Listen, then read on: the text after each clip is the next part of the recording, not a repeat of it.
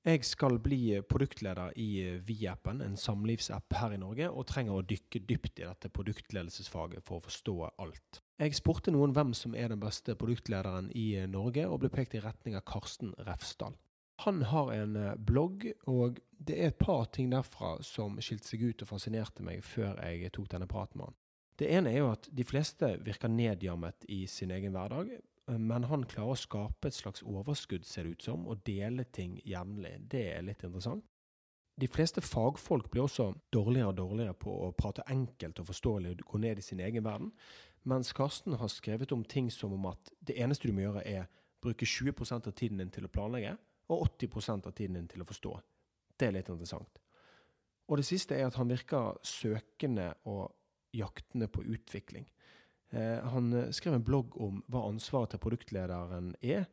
Og da forventet jeg mye faggreier eller tech-greier, men det han delte der, det var fire ting. En av de handlet om kommunikasjon. To av de handlet om HR-ting. Og den tredje handlet om kontinuerlig forbedring. Og det sier litt om at han klarer å ta et slags uh, utsideperspektiv og, og, heve seg til et litt annet nivå. Vi starter med litt om han før vi snakker litt generelt. Og så dykker vi ned i selve utfordringen. Han skal forklare alt som må til for å lykkes med produktledelse. Men han lurer meg ganske raskt til å røpe alle de tankene jeg hadde forberedt på forhånd, og så ser vi egentlig om vi klarer å få det til å fungere i en slags felles forståelse. Og så avrunder vi med litt snacks. Kos dere.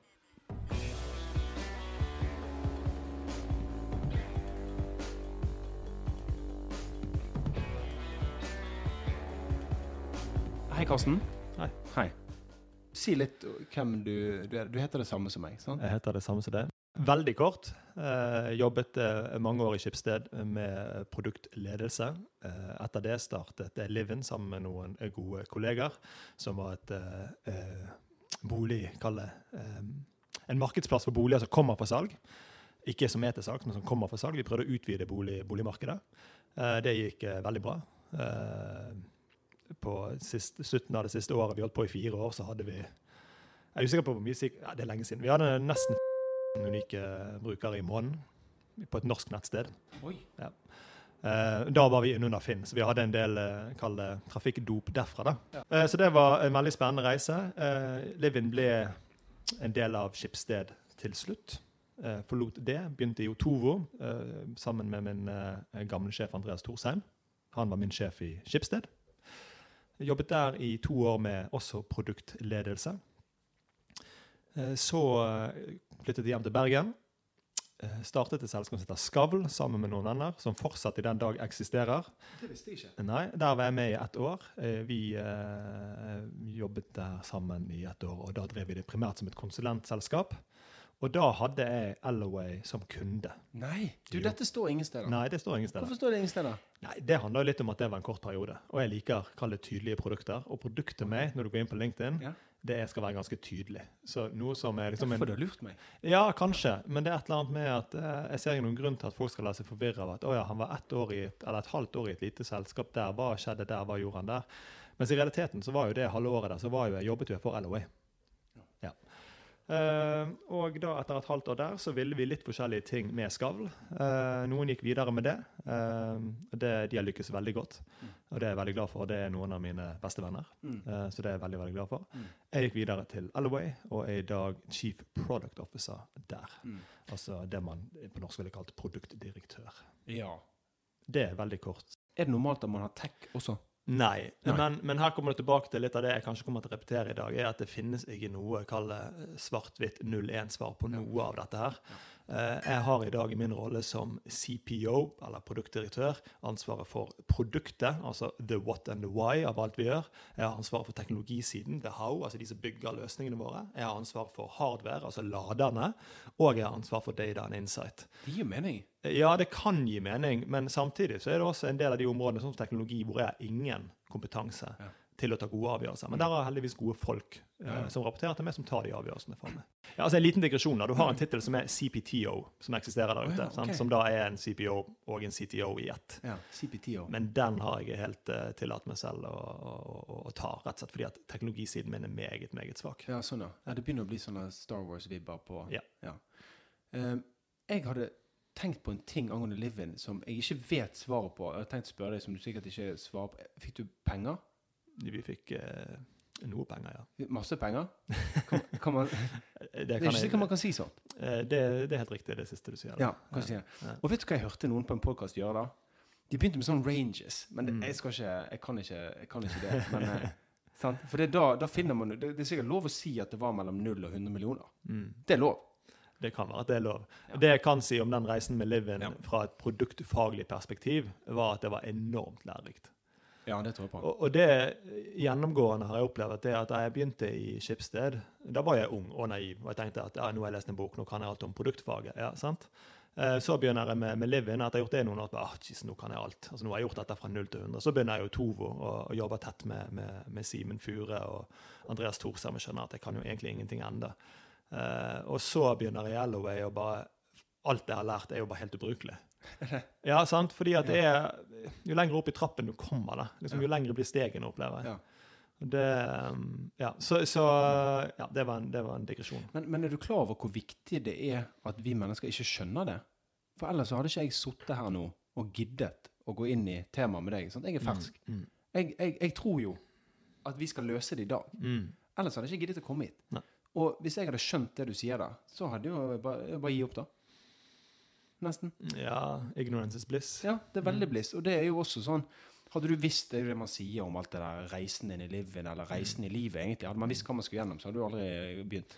Nei, det har du nok rett i. Og så er det også sånn at alle de tingene jeg har lært, eller tror jeg har lært Jeg gjør nok de samme feilene neste gang, Mm. om igjen. Kanskje bare litt større. Forhåpentligvis litt annerledes. da. Ja, det er nok en del som jeg kaller det programmert inn etter hvert, når man tar avgjørelser. Men jeg vet jo at jeg har eh, det svakheter i dag som jeg hadde for ti år siden. Som Ja. er Fordi at problemene er større, så er de svakhetene også da litt større. De blir større. Ja. Og så vil jeg tro det fins altså, Kanskje det er en, en hovedfeil, men det er nyanser av den som kan spille seg ut litt annerledes hver gang. Så det kanskje du ikke går på nøyaktig samme Nei, for min del så så handler det om én ting som spiller seg ut i forskjellige settinger. Ja. Og i forskjellige deler av kall det produktfaget og ledelsesfaget. Ja. Men det er den samme er det. Ja, det kan vi snakke om senere. okay. på det. ok. Det er veldig bra. Um, jeg, jeg har en sånn greie, og det er at hvis jeg ringer noen, så har jeg tatt initiativet til ringingen. Jeg er klar til å snakke. Jeg vet ikke hvor de er i hodet. Og, og da får jeg et behov når jeg ringer noen, så spør jeg hva skjer. Mens egentlig så spør jo de meg hva er det du vil. Ja. Og, og det, det er en sånn rar greie, men jeg syns det er veldig logisk. For det at Mm. alle står i noe akkurat nå. Hvor er du mentalt nå? Er du, står du i noe Ja. interessant? Eh, jeg er på jobb mentalt, og det har jeg vært siden uh, i går. Um, jeg har egentlig vært uh, Eller jeg har vært. Jeg har ikke vært på jobb en uke. Jeg har lagt syk. Oh, ja. Inkubasjonstiden er over, så det, det er gull. Men lagt syk. eh, men så har det vært en del ting som har spilt seg ut eh, på jobb, som har krevd min oppmerksomhet. Og da spesielt en situasjon som, eh, som er ganske krevende, som, eh, som jeg ikke klarer å legge fra meg. Ja. Så der er jeg nok nå. Jeg klarer nok å koble ut av det her nå, men når vi er ferdig, så er jeg tilbake igjen der. Mm. og dessverre. Mm. Men, er det en eh, produktlederting, eller? Ja, så definitivt. Det er rett i eh, kall det kjernen av produktfaget. Ja. Mm. Men handler det om eh, Er det mer en sånn driftsting som må fikse? Er det en sånn Nei. hindring, eller er det liksom Nei. retning og Det er en organisatorisk utfordring. Det er en eh, ja, i grenselandet til politisk utfordring. Altså ikke i, i politikksfæren, men Mm. intern politisk utfordring. mm. Og du ser sikkert ikke sånn den umiddelbare veien videre, og da kverner man? Mm, Ja, nei, nå har det begynt å dukke opp en slide i hodet mitt som jeg tror kan være begynnelsen på en løsning Ja. for å uh, hjelpe de rundt meg til å forstå eh, våre utfordringer da, i Mm. min avdeling. Ja. Det er litt spennende. Det er ikke så dumt det der med hvor man står. For alle er et sted, og du bør spørre når du ringer folk. Mm. Jeg har ikke ringt, eh, snakket med deg ennå, men kanskje du, kanskje du gjør det for alt jeg vet. Jeg ringer veldig sjelden folk. Gjør du det? Ja. Hvorfor det? Nei, eh, min opplevelse av det er at man trakker inn i hverdagen til folk nesten. Enig. Ja, eh, og det er nesten Jeg vil påstå med de verktøyene vi har i dag, så er det nesten litt frekt å ringe folk. Ja. Eh, da er det bedre å sende en melding. Den er stilig. Spørre ja. hvor, eh, har du tid til en prat, eller spør, stille spørsmålet på melding, og eventuelt da plukke opp tråden senere. Men det Ja. å bare sånn gå rett inn døren til noen og si 'hei, Ja. hvordan går det', den uh, Men det er jo et bank. Ja, det, ja da, du trenger jo ikke ta telefonen. Ja. eh, På, på ingen måte. Og jeg tar nesten aldri telefonen. Nei. Men nå er vi inne på helt andre ting enn det vi skal snakke om. Jo, men men jeg er helt, jeg er helt, enig, jeg er helt enig. Og så leste jeg en utrolig interessant ting når jeg var nede i produktledelsesverdenen. Mm. Um, we only escalate to lifetime communica live, live communication when necessary. Mm. Altså disse basecamp-folka. Ja, ja. Veldig interessant. Aldri hørt det før. Nei. Det ga mening. Ja, og det der er jo også en sånn, kall det Gi de rundt deg, inkludert deg selv, muligheten til å fokusere og få jobben gjort. Om det er produktfolk, eller om det er selgere, eller om det er operations, eller hva det nå er. Så det er et eller annet med at, eh, at det der å, å respektere folks tid, og hvis de har lukket Slack eller Teams, så må man respektere det. Da, da kan de fokusere. Uh, og jeg sier til mine at, uh, at uh, jeg er alltid tilgjengelig på telefon. Det vil si at du kan ikke forvente umiddelbart svar på Slack eller på mail. eller den type ting. Som ofte så får du det, men du kan ikke forvente det. Og hvis det er kritisk, så ring. Og det som skjer da, er jo det at man, man skaper en eller annen form for friksjon, sånn at folk ikke ringer sånn for småting. Det koster folk å, litt å ringe. Mm. Så da vet man at OK, dette her er viktig nok til at jeg må ringe. OK, da ringer jeg. Eh, så, så det der er også Da er vi inne på en sånn helt annen diskusjon igjen, som handler om å kalle ja, Jeg liker ikke ordet produktivitet, for det er ikke nødvendigvis det riktige det ordet jeg er ute etter, men det å gi folk muligheten til å gjøre jobben sin. Gi, gi de rundt deg muligheten til å vinne. Uh, Ja. ja. Ja, og, og, og noen er jo, sånn som jeg òg når jeg blir eldre og eldre, jeg, jeg finner jo Jeg skaper jo meg det rommet sjøl òg, for jeg vet hvor viktig det er. Men kanskje jo nyere man er inne i, i livet, jo verre er det jo. Da blir man styrt av impulsen, og, og noen ringer, noen chatter. Ja. Det er jævlig vanskelig å lukke slekken og Ja. chatten. Men da kommer et spørsmål til deg. Hvilke forventninger har du satt til din nye sjef? Altså, Har du satt noen rammer for sånn som dette opererer jeg? Nei, jeg har ikke det, men i, i tidligere jobben så, så hadde vi uttalt dette med en sånn 24 timers svar på chatten er det som forventes aldri mer. Ja. Og det er en veldig sunn greie som kan spres i, i orgen og på mail, egentlig. sant? Mm. Og det der med en trygghet for individet og den motparten at uh, uh, man kan alltid eskalere til ringing hvis det trengs, på en måte. Det, det syns jeg er veldig fint. Men uh, disse folka som sa det der med escalate to real time, only when necessary, de har også tatt alle møteforaene og sånt og deeskalert til asynkronisert. øh, Mm. Ja. Så har dere gjort det òg? Ja, altså Vår avdeling, altså produktteknologiavdelingen, er veldig god på async. Veldig okay. god. Og det tror jeg nok fordi det i veldig stor grad ligger naturlig for de som jobber der. Mm. Altså Dette er uh, utviklere, det er designere og produktfolk som lever litt i den verden, kanskje mer enn det, det andre gjør. Og det er ikke vanligvis eh, bedre uh, jeg skal si, Verken bedre eller dårligere, men det er noe, sånn det er. da Min erfaring med det er at den type miljøer lever bedre async. Ja, ja, helt enig. Uh, Eneste som kan ødelegge det, det er sånne som deg. Mm. Uh, leaders som kanskje Eller sant, det er jo typisk. Sånne folk kommer gjerne fra en, en litt annen kultur eller verden. Og det minner meg litt om det du skrev med board leaders, hvordan de ødelegger andre ting. Ja, ja. ja da, og det kan, det kan du gjerne si, da. Men nå er det sånn at de lederne som dukker opp nå, har jo i større og større grad hva skal jeg si, De er jo ofte på min alder. sant? Ja, det- og har vært gjennom 10-15 år nå med, med den type verktøy. Så det blir nok et mindre og mindre problem, tror jeg. Og jeg Mm. tror nok at, uh, at det at folk kan velge i større grad å jobbe når det passer de, eh, det fasiliteres ganske stor grad av asynk-kommunikasjon. Ja.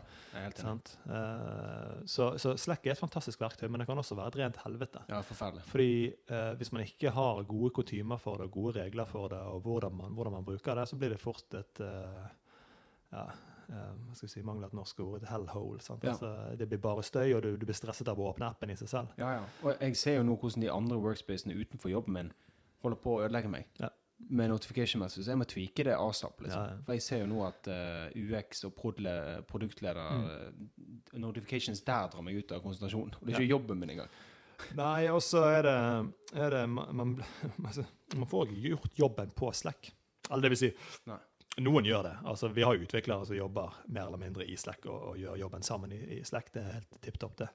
Men det er en fantastisk kommunikasjonskanal, informasjonskanal, men jobben må gjøres. Sånn som mine produktledere må sette seg ned og tenke. De må sette seg ned og skrive produktdokumentasjon. De må sette seg ned og lage, eh, lage presentasjoner. De må sette seg ned med stakeholderne sine og snakke med dem. Sant? Eh, Og en del av det kan du gjøre kanskje på Slack, Mm. men eh, veldig mye av jobben gjøres utenfor. Mm. Eh, bare for, vi, skal, vi skal ikke Vi, vi må selvfølgelig, men jeg føler faktisk jeg må, jeg, jeg må på jobb, og så må jeg angripe hverdagen for å klare å jobbe. mm. Sant? Og ikke gjøre sånn som det der som jeg til slutt, etter dessverre to sekunders tenketid, skjønner at dette er ikke jobben. Nei. For det er så mye greier du kan gjøre hele tiden som ikke er jobben. Det er helt sykt. Ja, men Det er det vi kaller fake work. da. Ja. Det er enkelt og lett å gjøre, og det trigger liksom samme dopaminsenter Ja. som det å gjøre vanlig jobb gjør. Så du gjør det, og så sitter du fornøyd med deg selv, og så helt at på slutten av dagen skjønner du jeg har jo egentlig ikke gjort noe. Nei, jeg har svart Den, på den, syv ting. den telefonsamtalen jeg egentlig burde tatt, har jeg fortsatt utsatt. Ja, for jeg ikke visste, den var ikke så lett. Ja, ja. Og nå snakker jeg ikke om andre, nå snakker jeg også om meg selv. Ja, ja, ja, samme her. Ja. OK, Um, veldig bra. Um, du vet at jeg Nå går vi inn i det. Du vet at jeg er fan av Den profesjonelle samtalen, boken. Det vet du. Eh, Jeg vet det nå. Ja, du vet det nå. Ja. Hadde du lest den? Nei. Nei. Ehm, der deler en sånn politimann sin avhørsmetodikk. Mm. Uh, og så sier han denne er god på, tyv, på å avhøre tyver. Denne er god på å avhøre ofre. Mm. Og så tenker jeg wow, samme greien. Mm. Og det stemmer jo fordi at hva er du på jakt etter? Sannhet Mm. om noe. Mm. Og da, det fascinerte meg helt sinnssykt. Og det er det vi skal inn i nå, tenkte jeg. Jeg har ikke hørt det brukt i podkastsammenheng før. Nei. Fordi at det er litt sånn at da er det bedre å bounce frem og tilbake, dopamin, eh, jeg vet ikke hva det er. Ja. Men det består egentlig av at du skal få fri forklaring Mm. med så mange detaljer du klarer Mm. om, eh, om hva en produktleder må gjøre for å lykkes. Alt. Mm. Eh, og så har jeg tenkt mye. Mm. Men jeg skal ikke si noe av det, fordi at på slutten så skal vi sondere de tingene som eventuelt er en diff mellom. Ja. Så hvis du snakker i 60 minutter nå, så er det egentlig det vi skal. Ja. Eller fem, eller helst mer. Sant? Så det har ikke jeg gjort før. Sant? Men det tenker jeg, og det jeg har tenkt om det, det er jo at sant? jeg vil vite egentlig alt. Eh, hvis, jeg tror ikke det er lov, men hvis jeg skulle spisset det, så ville jeg sagt med så få hovedknagger som mulig. Mm. Og så mange underknagger som nødvendig. Mm.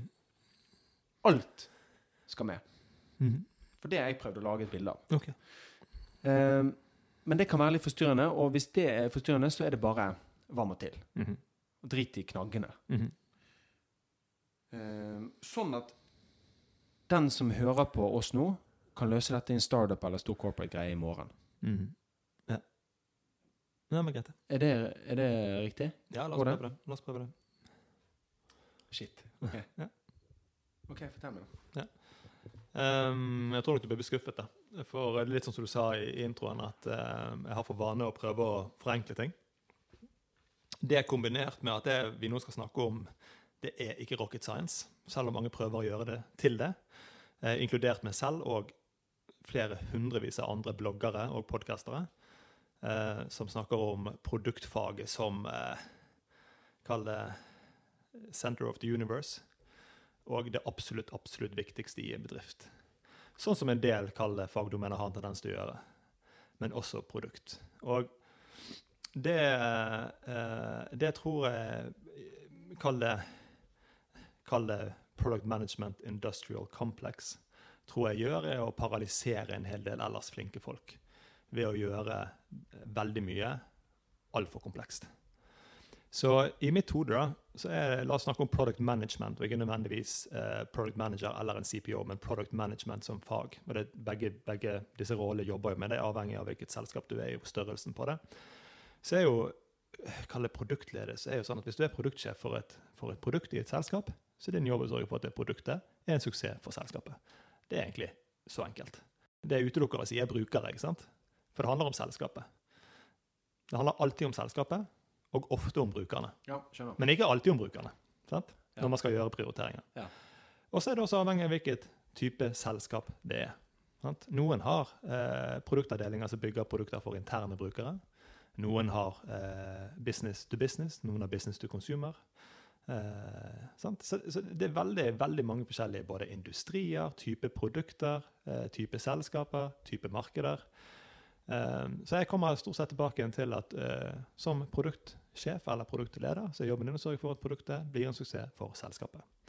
Og så hvis vi skal tillate oss å gå litt mer inn i den nisjen som jeg tror du har lyst til å snakke om, da, som mer kaller teknologi, eh, bransjen, eller eh, ja, litt av den, de bransjene vi jobber i, og du skal inn i, som jobber Du kommer til å jobbe business to consumer.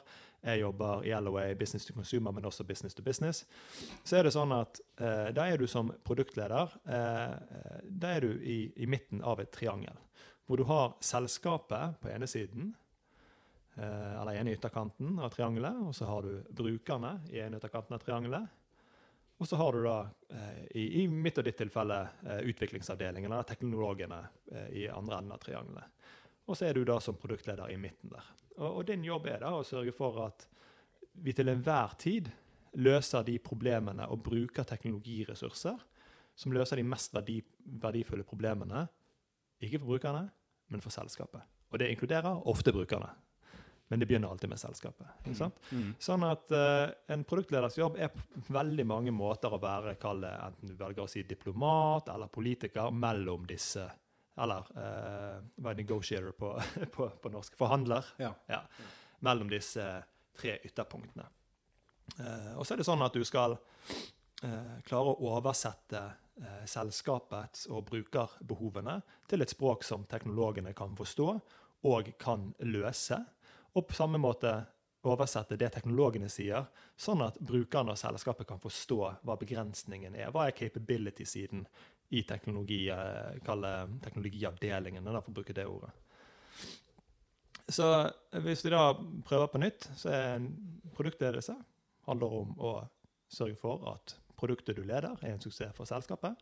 Og det gjør du ved å kalle forhandle mellom disse tre partene, og sørge for at selskapet bruker eh, sine utviklingsressurser på de problemene som er mest verdifulle for selskapet.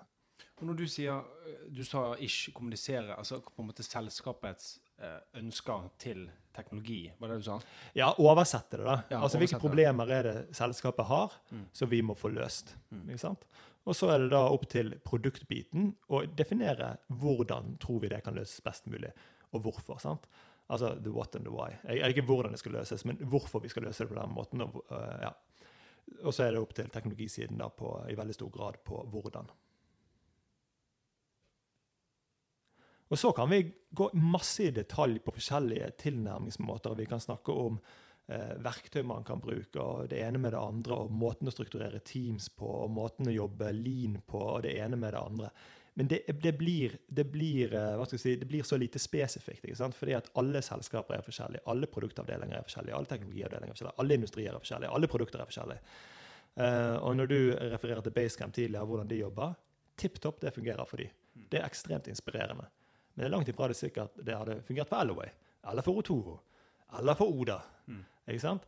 Uh, og, og litt av min gripe det siste året har jo vært Hva er gripe? eh, Gripe eh, Det betyr eh, Ja, det er et godt spørsmål. Altså Litt av det som har irritert meg da, Ja. det siste året Irritert er kanskje feil ord, men kanskje også riktig. Men er jo alle eh, i posisjoner som min, eller produktledere, eller CTO-er, eller CEO-er, som skriver saker eller eh, sitter på podkaster og sier 'dette er måten du skal gjøre det på'. Mm. Og jeg har gjort det samme selv, men, men det, det har veldig lite verdi. Jeg er langt mer fan av de som sier 'dette er måten vi gjør det på'. Mm. Men er ikke det, er ikke det implisitt at selvfølgelig Altså Rett under det nivået du nettopp snakket om nå, Mm. så tenker jeg Finnes det ikke x ting som må løses, og detaljene for hvordan du gjør det, kan Mm. variere. Mm. Men det må du, du lykkes ikke uten å gjøre noe på det. For det vi har sagt nå, det er i hvert fall eh, Vi skal lage Eller man skal sikre suksess for selskapet, Mm. på en måte. Eh, Ja, eh, la, la oss moderere det, da. Eller uh, redigere det litt. Du skal sikre Ja. suksess for selskapet. Du skal sikre at det produktet du leder, er en Ja. suksess for selskapet. Ja. Selskapet kan ha mange produkter. Ja, ja. Ja. Du skal sikre at det produktet du leder, er en suksess for selskapet. OK, hva må til under det nivået for å lykkes Mm. som enkeltkomponenter? Og i hvert fall, du kom innom oversette capabilities Mm. andre veien, fra tech mot uh, ledelse eller selskap eller whatever. Selskap og brukere. ja. Mm. Selskap og brukere. Og eh, selskapets tanker eller behov ned mot techen. Mm. Men det er jo ikke bare det som må til. Altså, la oss si, De to tingene kan løses på mange forskjellige måter. Mm. Men er ikke det flere ting som må til? Jeg får høre det. Hva tenker du må til? Nei, jeg vil ikke røpe det. Nei, men igjen, da, så er det sånn, jeg kan, jeg kan sitte her og snakke om hvordan vi gjør det i LOA. Jeg kan gå i detalj på hvordan vi gjør det sånn og sånn. sånn men det vil Men hva er overskriftene? Nei, På alt, på alt man må gjøre? Nei, men altså overskriften, ok da, Hvis du er da produkt, eh, en av mine produktledere La oss ta utgangspunkt i det. da. La oss ta utgangspunkt i Adrian, som, eh, som er head of product hos meg. Mm. Hans jobb er til enhver tid å sørge for at sine stakeholdere Og hans stakeholdere det er da eh, operations-lederne internt, salgslederne internt, marketinglederne internt. De er hans kunder internt i selskapet. Hans jobb er å sørge for at han til enhver eh, tid vet hva de største problemene de gruppene har. Hvilken av de problemene er mest verdifull for selskapet? Og så har han også eh, må han hele tiden sørge for at de tre interessegruppene også vet ok, hva holder vi på med på teknologisiden, hva er på vei ut, hvorfor løser vi det på måten vi gjør, hva er forventet av de for at vi skal kunne lansere disse produktene, osv. osv. Men det er i veldig veldig stor grad en rolle som må snakke med ja, I dette tilfellet er det to fronter, og så har han da også eksterne brukere som den tredje fronten. Men han er hele tiden i dialog med disse tre. Igjen tilbake til det triangelet. Det er hans jobb å sørge for at han har all informasjon fra alle de tre, sånn at han kan prioritere utviklingsressursene riktig. Ja, ok, Så stakeholdersene nå, det var det triangelet igjen? sant? Folk innenfor de Ja, ja. bitene. Sant? Både eksterne og interne. To interne parter, en ekstern part. Måten vi omtaler stakeholdere hos oss I Yellowway så har vi i, i produkt- og teknologiavdelingen så har vi Adrian, da, som er produkt, head of product. Han har da et sett med teknologiressurser, eller teknologimennesker, som han har tilgjengelig å bruke på, på sine ting. Et team. På andre siden så har han et sett med brukere, altså de som skal lade bilene sine i Alloway, og så har han et sett med interne brukere. Og De interne brukerne er det vi kaller stakeholdere internt. Så la oss si interne brukere. Og Der har han tre stykker. Han har salg, operations og marketing. Og så har han de som lader. Så han har fire. Sant? Så de fire gruppene må han kontinuerlig snakke med. Han må intervjue, intervjue brukerne, han må, han må være i dialog med CMO-en vår, Chief Marketing Officeren vår, for å forstå hva hans største problemer Han må snakke med Line Sofie, er Operations i Norge osv. Så, så det du sier, det er at hvis han eh, snakker med de tre interne, og den ene eksterne, og motsatt, passer på at de vet hva han gjør, Mm. så har han løst alt. Nei da, han kan løse alt. Altså, Han må jo også sørge for at dette blir videreformidlet til teknologisiden, sånn at de kan løse de problemene som Adrian mener er de mest verdifulle for selskapet. Sant? Så ok, hvis vi, hvis, vi, eh, hvis vi sier at, da, eh, at eh, på ene siden av gjerdet så står det fire stykker. De har mange forskjellige problemer. På gjerdet står Adrian, og på andre siden av gjerdet står teknologiressursene våre. Ja. Disse fire de har alle disse problemene sine, så de kaster bort Adrian i ulik størrelse. Så tar Adrian de opp, og så ser han på de, ok, ok, ok, ok, ok, og så tar han, løfter han frem det han mener er størst, og så ser han tilbake på de fire, og sier han, eh, folkens, jeg opplever at dette er det mest verdifulle problemet å løse for selskapet. Eh, kan dere gå med på det? Og da sier Operations kanskje, ja, det er ikke vårt problem, men jeg skjønner at det er mest verdifullt for selskapet. La oss gjøre det. Så får han buy-in fra de fire gruppene, og så går han videre da, kaster den ballen videre til teknologisiden. Dette er det største problemet vi har i selskapet, det mest verdifulle.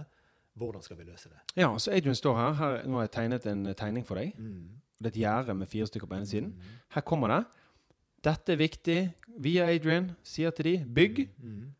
Og da er alt ordnet. Produktledelse. Nei, altså, det er jo litt vanskelig å gjøre dette på podkast, for nå har vi en tegning. Ikke, ja, men ikke tegn, eller? Nei, men greia er at Ja. det, det vil komme person 1, 2, 3 og 4 her av Ja. disse stakeholderne vil kaste ti baller hver de på Adrian samtidig. Ja. Sånn. Så Ikke man tenker. Ja, Hva skjer her, da? ja, sant? Men oppi her så er det sånn, ok, men han må da sørge for at han vet hva som er det mest verdifulle problemet for selskapet å løse av disse problemene. Ikke sant? Og så, kan, vi kan jo begynne å snakke om Vi-appen. Vi trenger ikke gjøre det, men vi kan gjøre det. ikke sant? Og, og, og der som du skal inn, så er det sånn at da er det en del spørsmål du må stille deg. ikke sant? Når du kommer inn der. Så er det sånn, ok, greit, eh, Backloggen vår ser sånn ut. Her ligger det ti problemer som skal løses. Så det første du må gjøre, da, i mine øyne, er jo å forstå er dette de riktige problemene som ligger i backloggen. Og da må jo du ut og snakke med de forskjellige stakeholderne. Og det er jo bl.a. brukerne, men det er også antageligvis interne stakeholdere. Nå vet jeg hvordan organisasjonen i Vi ser ut. Da må jo du forstå business-siden og brukersiden. Og så må du gjøre det opp med mening. Du må forstå business-siden og brukersiden så godt at du er den som er best posisjonert til å avgjøre hva er det mest verdifulle problemet løser. Mm. Så det er din jobb. Og forstår man det, og gir det dit, så må man løse alt. Nei, for det, da må du ta neste problem. For når de er ferdige å løse det problemet du akkurat har gitt dem, så må du sørge for at neste problem er linet opp. Så dette bare repeteres. Så har du gjort alt. Ja, mer eller mindre. podkast over. Nei, men nå, nå, nå, er jeg kanskje litt vanskelig. Men, Nei men, men tilbake til poenget mitt her er at dette er ikke rakettforskning, mens veldig mange prøver å gjøre det til det. Ja. Jeg tror de aller fleste som vil bli plassert inn i en produktsjefrolle, ganske fort vil finne ut at ok, det er dette jeg må gjøre. Fordi at det kommer naturlig så kommer det ganske mange til produktlederen. bare jeg har masse problemer, sånn sånn, sånn, sånn. Å ja, ok. Og så ser produktlederen på andre siden. Å ja, der har jeg folk som kan fikse det problemet. Ja, ok, greit. Men for sjefen min som er CEO, han, eh, han er opptatt av dette for selskapet. Ok, men da må vi ta dette problemet først. For det er det mest verdifulle for selskapet. Så det der, eh, Du må ikke lese en bok for å bli produktleder. Jeg tror at det hjelper kanskje å lese en bok. Det hjelper kanskje å forstå litt av dynamikken her, og forstå litt av terminologien osv. hvis man kommer inn i et allerede etablert produktmiljø. produktmiljø. Men og så er det også det faktum at det er veldig få bedrifter Du skal være ganske stor før du trenger produktledelse. Mm, mm, Ikke sant? mm. Uh, så så eh, det, for, for meg som har jobbet med dette noen år, og det kan være fordi jeg har jobbet med det noen år, så er det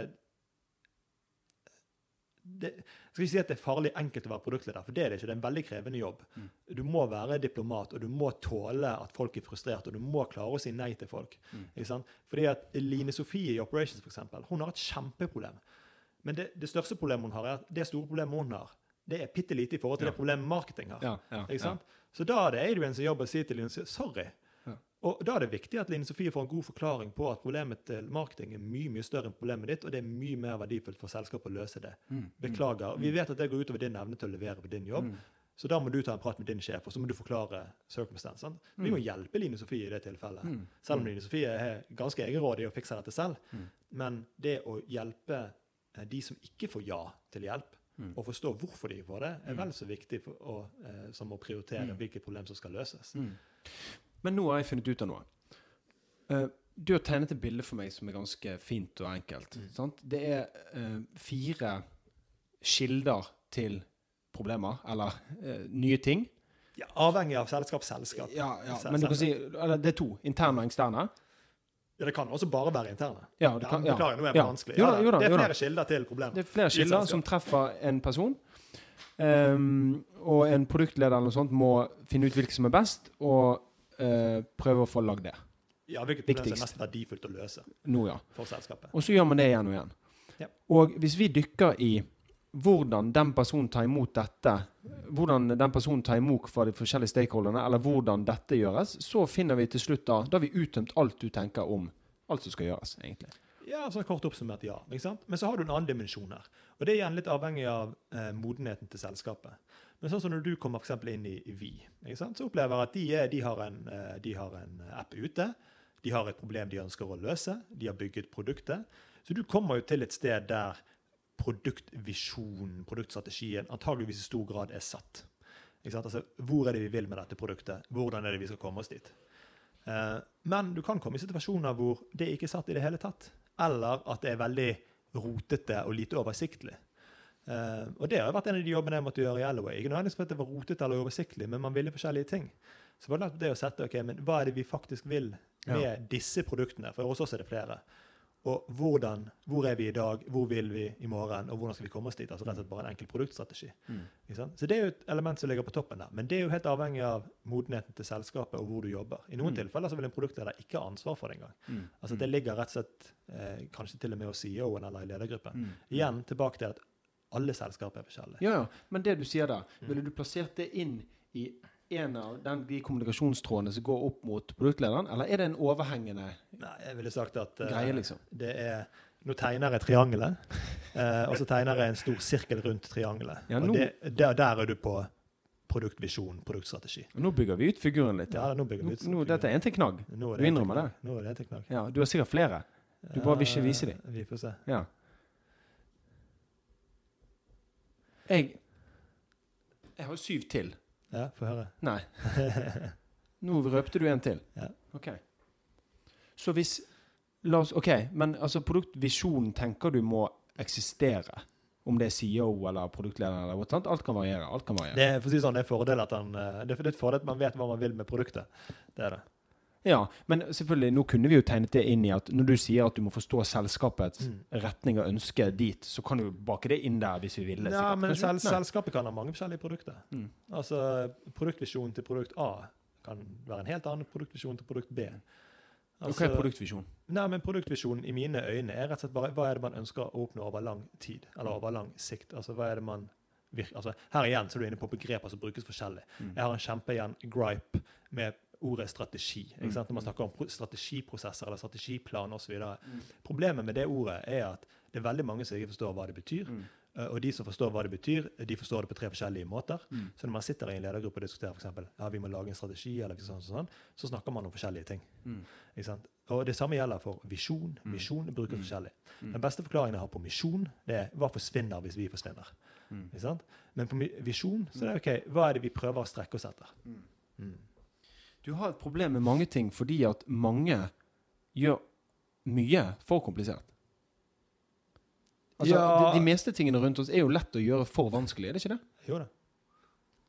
Men jeg tror um, Nei. Ja. ja. Stemmer det. Kult. Mhm. Er det alt?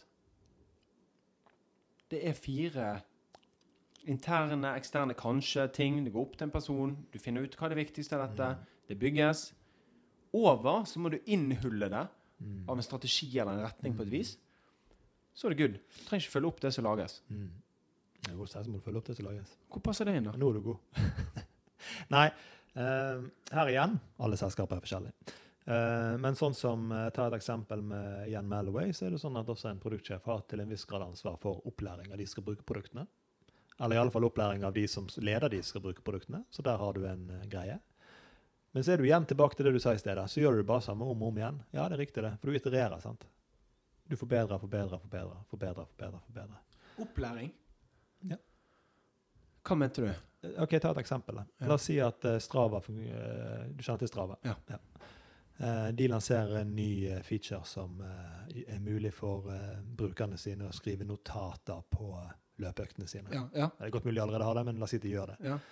Eh, så må de eh, oppdatere eh, support-dokumentasjonen sin.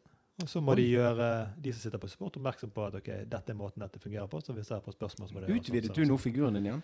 Det kan være. Ja, men hvis vi skulle prøvd å holde oss til å forklare Ja. produktledelse eller product management på et overordnet nivå som kan spenne over alle produktlederjobber, så måtte vi stoppet her. For det er det vi begynner å bevege oss ut på nå. Da begynner det å bli spesifikt ned på selskaper. Og der er alt. Må man ikke alltid lære opp som følge av endringene som blir skapt? Nei, altså det, igjen da, det, det finnes produktselskaper som ikke nødvendigvis trenger å ha intern opplæring. Ikke sant? Og det er det jeg snakker om her nå. Ja. Intern support. Mm. Så igjen, hvis vi skal snakke om produkt overordnet, og skal forklare produktledelse, så mener jeg at Vi Vil jeg, vil, jeg, altså. vil jeg nesten argumentere for at vi stopper der. Ja. For det, her er det, eh, hvis vi skal si common denominator, da. Så Mm. den modellen som ingen kan se, som du har tegnet her, som inneholder eh, noen knagger, som vi har snakket oss gjennom, eh, jeg tror nesten jeg vil argumentert for at man må stoppe der, hvis man kan snakke om produktledelse, og ikke snakke om produktledelse i industri X, Y, Z, i selskap A, B, C. Ja. Ja. Og da kan jo vi nå velge å enten sånn at Hvis vi stopper med den, så kunne vi gjort det samme for Elaway. da, Og tegnet et ti ganger mer oppløselig bilde. Det kunne vi gjort. Men det er jo business-sensitivt. Ja, ja, ja. Ja. Men eh, altså, hva skal man si, da? Eh, Noe tilsvarende for å komme ned. La oss, lage, la oss si Strava sitt, da. Mm. Eller kunne ikke vi tatt en sånn en for å tegne ut? Jo, det kunne vi gjort. Og eh, ta, ta Strava, da, så er det sånn at Strava har jo Og der er det tilbake til et produkt som er eh, du, du nevnte denne loopen. Du gjør det samme om og om igjen. ikke sant? De gjør akkurat det samme i dag som de gjorde da de lanserte for ja, nå er det tolv år siden. Deres hovedverdiforslag er liksom track-treningen din. Og det begynte med, Jeg tror det begynte med sykling, og så la de til løping. Og så var det det i mange år, og så har de lagt til andre ting senere. Mm. Men det er basically den knappen. Trykk tre- starttreningsøkt. Mm. Um, og der har de, de har gått noen tusen sånne looper på det du snakket om i sted. Ja, nytt problem. OK, det er løst. Tilbake. Hva er de største problemene? Vi har nytt problem. Nå er det løst. sant? Så de har bare iterert og iterert og iterert på samme produktet og har bare gjort det bedre og bedre og bedre. Og bedre. Og da beveger vi oss inn i en litt annen, eller en litt annet tema igjen. Men altså, hva er det som i mine øyne eh, definerer et godt produkt? Og det er ofte et produkt som løser ett problem veldig, veldig bra. Og ikke prøver å løse flere samtidig. Der er Strava kjempegode. Eh, men Strava er nok bygget opp på en måte som de, de har noen, uten at jeg vet, men jeg vil tro at de har en CPO. Og at den CPO-en har da flere eh, product managers i sin org som eier da forskjellige deler av Strava-appen. Hvorpå de igjen, som eier de forskjellige delene av Strava-appen, har hver, sin sånn, hvert sitt sånn triangel med interessegrupper og samme selskap, men forskjellige interessegrupper og forskjellige utviklerteam, som de da går disse rundene i. Hva er det mest verdifulle problemet? Hva er det brukerne våre forteller oss? Hva er det selskapet trenger? Hva er det vi kan løse i dag? Og så videre. Så da bryter du ned. Eh, men da har de da et større rigg med flere produktledere, som da har et, en liten del av produktet. Ikke sant? Og Da kan du begynne å snakke om feature teams, eller kan, jeg vet ikke hva de kaller dem. det er godt mulig De kaller det feature teams. at De har, de har bl.a. en integrasjon mot Spotify. Godt mulig at det er et eget feature team, så de kaller music team. I don't know. Mm. Men uh, ja. Du lurte meg ut av den frie forklaringen. Ja, jeg gjorde det. Det var sleipt. Um, jeg, jeg, på, jeg, jeg, jeg, har på en måte lyst til å komme inn igjen i den, uten om jeg vet om vi klarer det. Mm. For det, det jeg har lyst til å si til deg, det er at nå har du tegnet en overordnet figur som skal passe alt. Mm. Hvis du tar den med inn i Strava, eller whatever, da. Um, Hva mer enkeltelementer kan du presisere som må være til for at de skal lykkes? Um, sånn at du bygger det ut til det fullverdig, uten å gjøre alt dette her på, eh, på så detaljert som du klarer. Mm. Ja, ok, men da, da Før jeg røper mine ting. Ja, men da beveger vi oss litt utenfor produktfaget igjen. For dette handler ikke nødvendigvis om produktfaget. Men produkt er jo Altså, produktavdelinger er ekstremt avhengig av tydelig retning fra selskapet. Mm. De er nødt til å vite hvor det selskapet vil hen, og hva det de ønsker å oppnå. Og de er nødt til å vite det på ok, tre måneders sikt, tolv måneders sikt, seks måneder, tre, eh, sorry, tre, måneder, tre års sikt, eh, ett års sikt, seks måneder, tre måneder. For det er jo helt essensielt for de for å kunne igjen prioritere hva er de mest verdifulle problemene. Og Det er godt mulig at man velger å løse et problem som løser noe tre år frem i tid, kontra å løse noe som er tre måneder frem i tid, for man mener det er mer verdifullt på lang sikt. Men et uh, kall det uh, tydelig retning er noe som må være plass i selskapet for at en produktavdeling skal kunne gjøre en god jobb. Og der sier du egentlig um, En ting er å si du må få det, eller selskapet må si det, men produktlever må skaffe seg det. Ja, produktlederen må skaffe seg det. Det ligger ikke hos produktlederne å eh, det etablere det. Men det er godt mulig at de må dytte for å få det på plass, fordi de har mest behov for det. Men, men, og, og, det der overrasker meg gang på gang på gang. Og dette er også et fag som jeg er ganske interessert i, det der med selskapsplanlegging. Mm. er jo at eh, jeg, jeg, snakker med en del ledere av selskaper. Jeg, jeg spør dem okay, hvordan leder du selskapet, hvordan styrer du retningen i selskapet, hvordan sørger du for at du vet om det er fremdrift eller ikke. Og, og svarene jeg ofte får, er jo litt skal, ikke skremmende feil ord. For de har jo kontroll, de lykkes med selskapene sine. Men de har ikke noe system på det, virker det som. De har ikke noe, de har ikke noe verktøy til å hjelpe seg å få dette ned på papiret, sånn at selskapet, lederne deres osv. vet hvor de skal sånn at de drar i samme retning. Men det er i alle fall noe en, en produktleder trenger. er å vite liksom, det overordnede selskapet. Men da er du igjen på triangelet, selskapet det som ligger der, er jo ofte disse tingene her. sant? Altså hvor er det selskapet vil på lang, kort og, eh, lang, eh, mellomlang sikt og kort sikt. Uh, så det er allerede i triangelet. da. så der fikk du den. ja, sant? Så det, det, trenger å være der. Og så trenger du også, du trenger også gode stakeholdere. Du trenger internt gode folk å snakke med. Folk som skjønner verdien av å gi deg informasjon og spørre deg om informasjon som produktleder. Eh, du trenger stakeholder som evner å involvere seg og bruke tid på når du trenger tid fra dem. Men gi, gi det hva? Nei, altså Hvis du for eksempel, da trenger å utforske et problem ikke sant? Mm. Du har funnet ut at ok, greit, dette problemet her er potensielt verdifullt for oss å løse. Og Så vil du da gå inn og se ok, hvordan kan vi løse det. Sant? Så da samler du et møte med en designer, en tech-lead gjerne, altså en tech-lead er en som leder en uh, teknologiteam, også et par stakeholders kan gi deg informasjon om hvordan problemet ser ut. Kall det out in the wild. Uh, og Da setter du deg ned og så utforsker du ok, men hva tror vi folkens her i denne gruppen, hva tror vi er sånn uh, directionally riktig løsning. Uh, og så blir man enige om ok, dette er det vi går for, og så går det inn til teknologi de bygger det. Men du er helt avhengig av at disse stakeholderne evner å bruke tiden sin, eller setter av tid til disse tingene. Ja.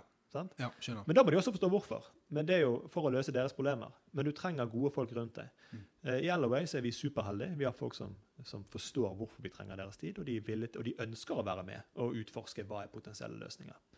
Uh, så det er du også avhengig av. Men da er du igjen tilbake til triangelet med, med, med selskaper og brukere. ikke sant? Du er avhengig av dem. Du må ha den informasjonen. Ja, for der, du, der er du jo innom um, De har sagt noe til til uh, produktlederen, men du er, du er avhengig av at de ikke bare, men at den pilen går litt sånn frem og tilbake for å si det ferdig, og massere det og dykke litt. Ok, Så en liten utbrodering på den. Ja. ja. Nå er vi tilbake i triangelet. Ja da. Du, du er der for. Ja, det er greit, det. Ja. Kom her.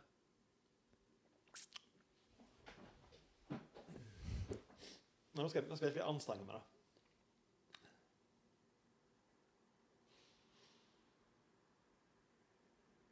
Nei, altså Nå begynner jeg å bli litt nysgjerrig på, på hvordan disse syv punktene dine ser ut. Livsfarlig å røpe. Ja. Um, jeg skal si en av de tingene som slår meg umiddelbart. Ja. Og så ser vi om um, sant, at det bare er noe med detaljeringsnivået som vi, vi er på forskjellig på. sant? Um, for det jeg Hvis vi har uh, Hvis vi har gjort dette riktig, så skal jo alt her kunne dyttes inn her. Egentlig. Mm. Med mindre det er ting som ikke er vits å gjøre. sant? Ja.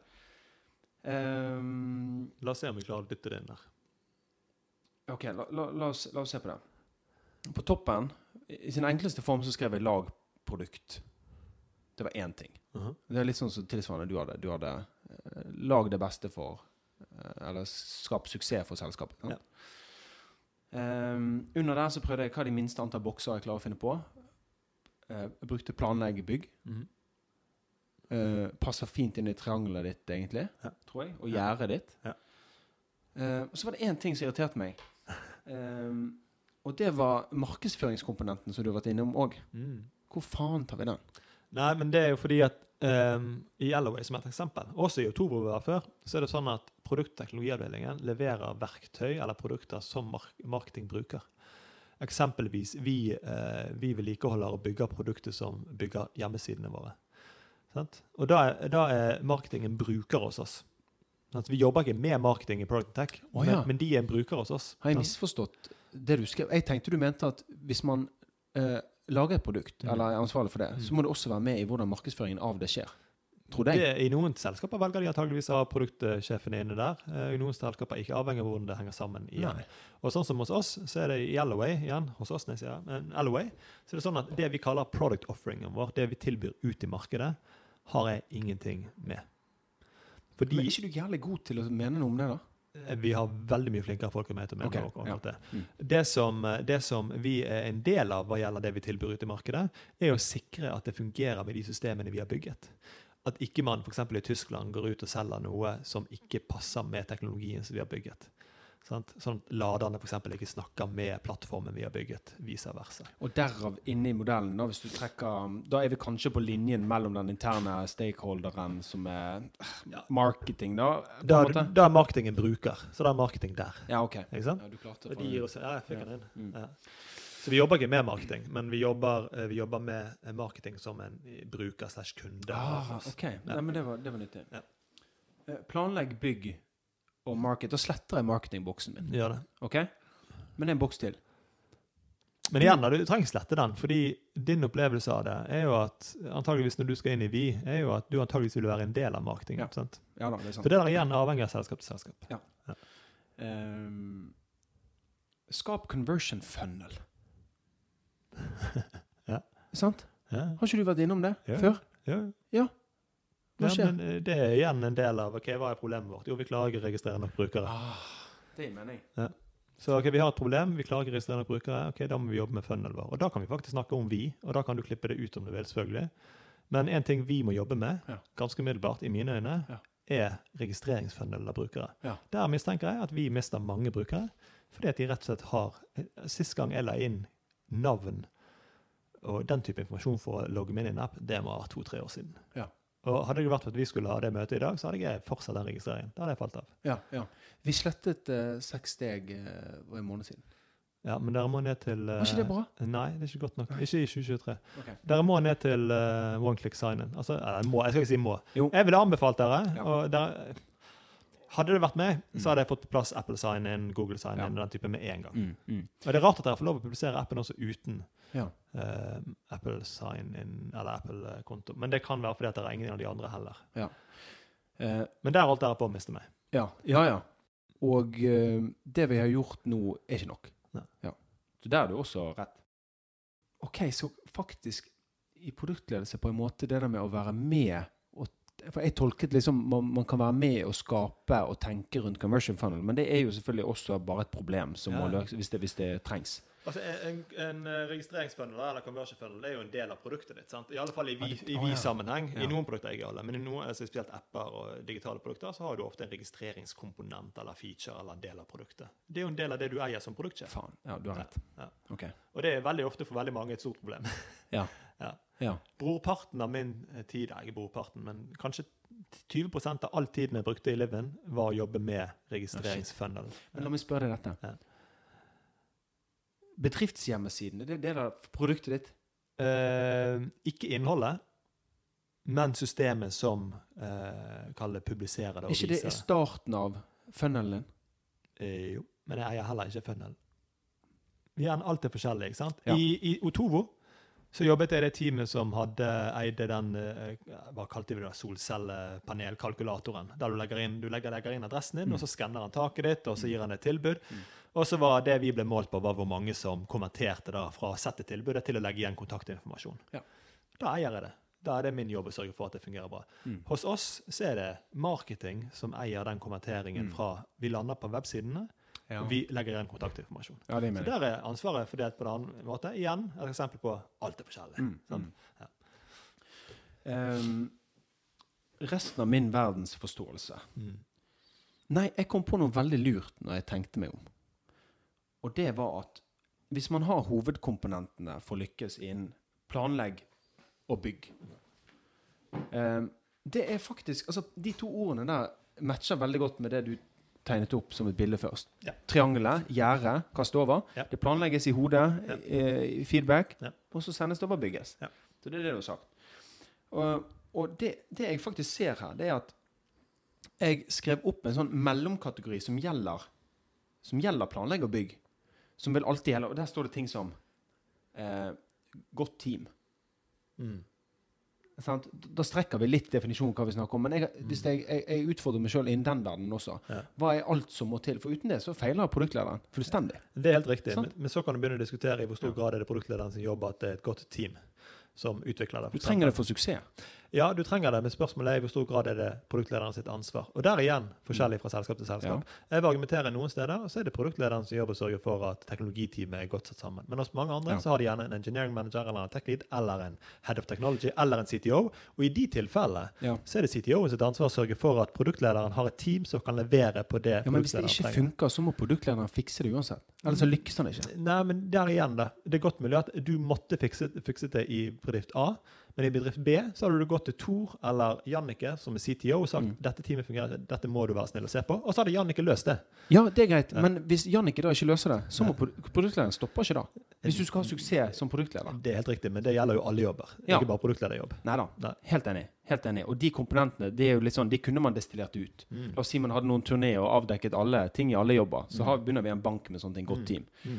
Og faktisk, hvis vi forfølger den, så er jo det faktisk de andre tingene jeg har skrevet inn der, kan jo man dytte litt inn i samme igjen. God kommunikasjon mellom alle. Mm. Den, den, sånn, den ga ikke så mye egentlig å ha med, kanskje. Nei. Eh, Gode verktøy for begge de to fasene planlegg og bygg. Mm. Men det sier seg sjøl. Ja. Ja.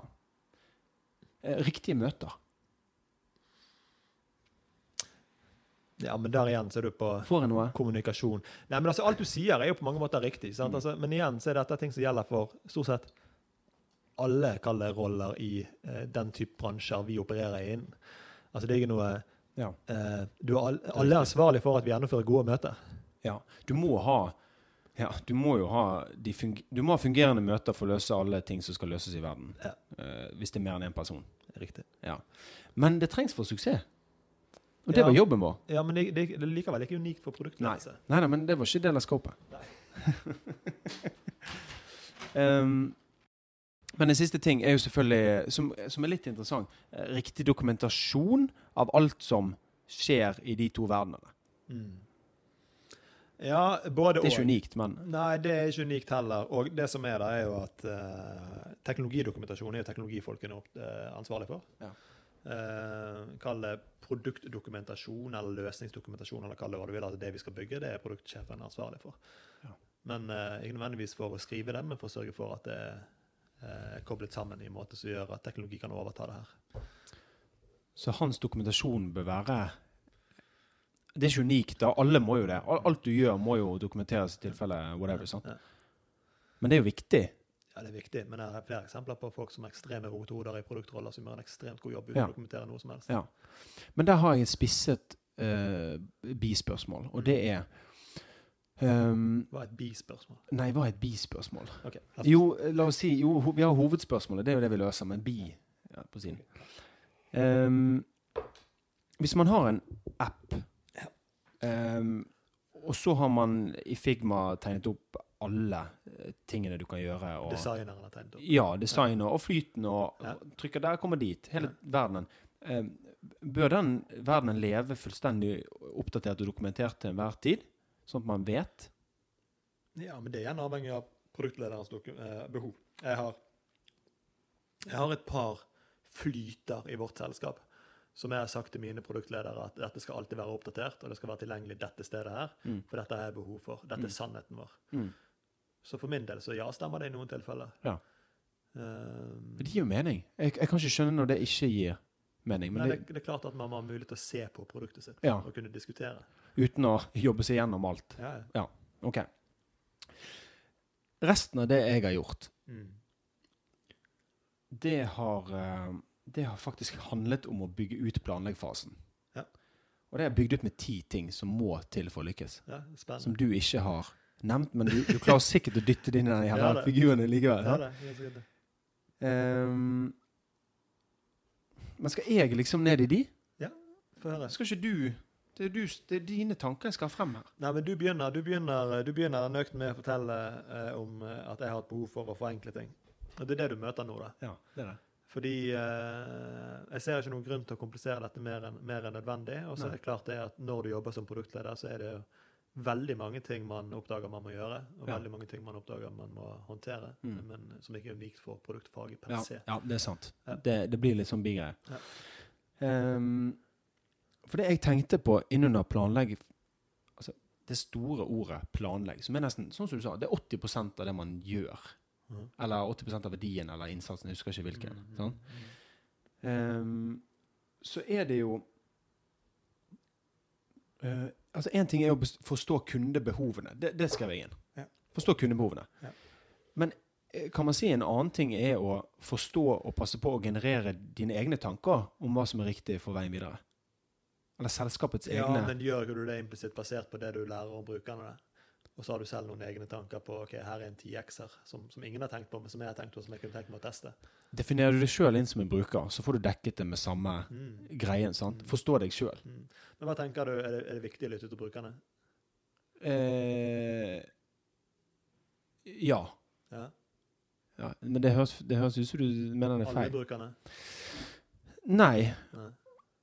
Nei da. Nei, nei, ikke i det hele tatt. Du må Du må få du må, du må få tak i så mye materiale derfra og finne det riktige. Ja. Men du, du kan ikke unngå å ha den komponenten med. Ja. Eh, enig? Ja, de, delvis. Delvis. Eh,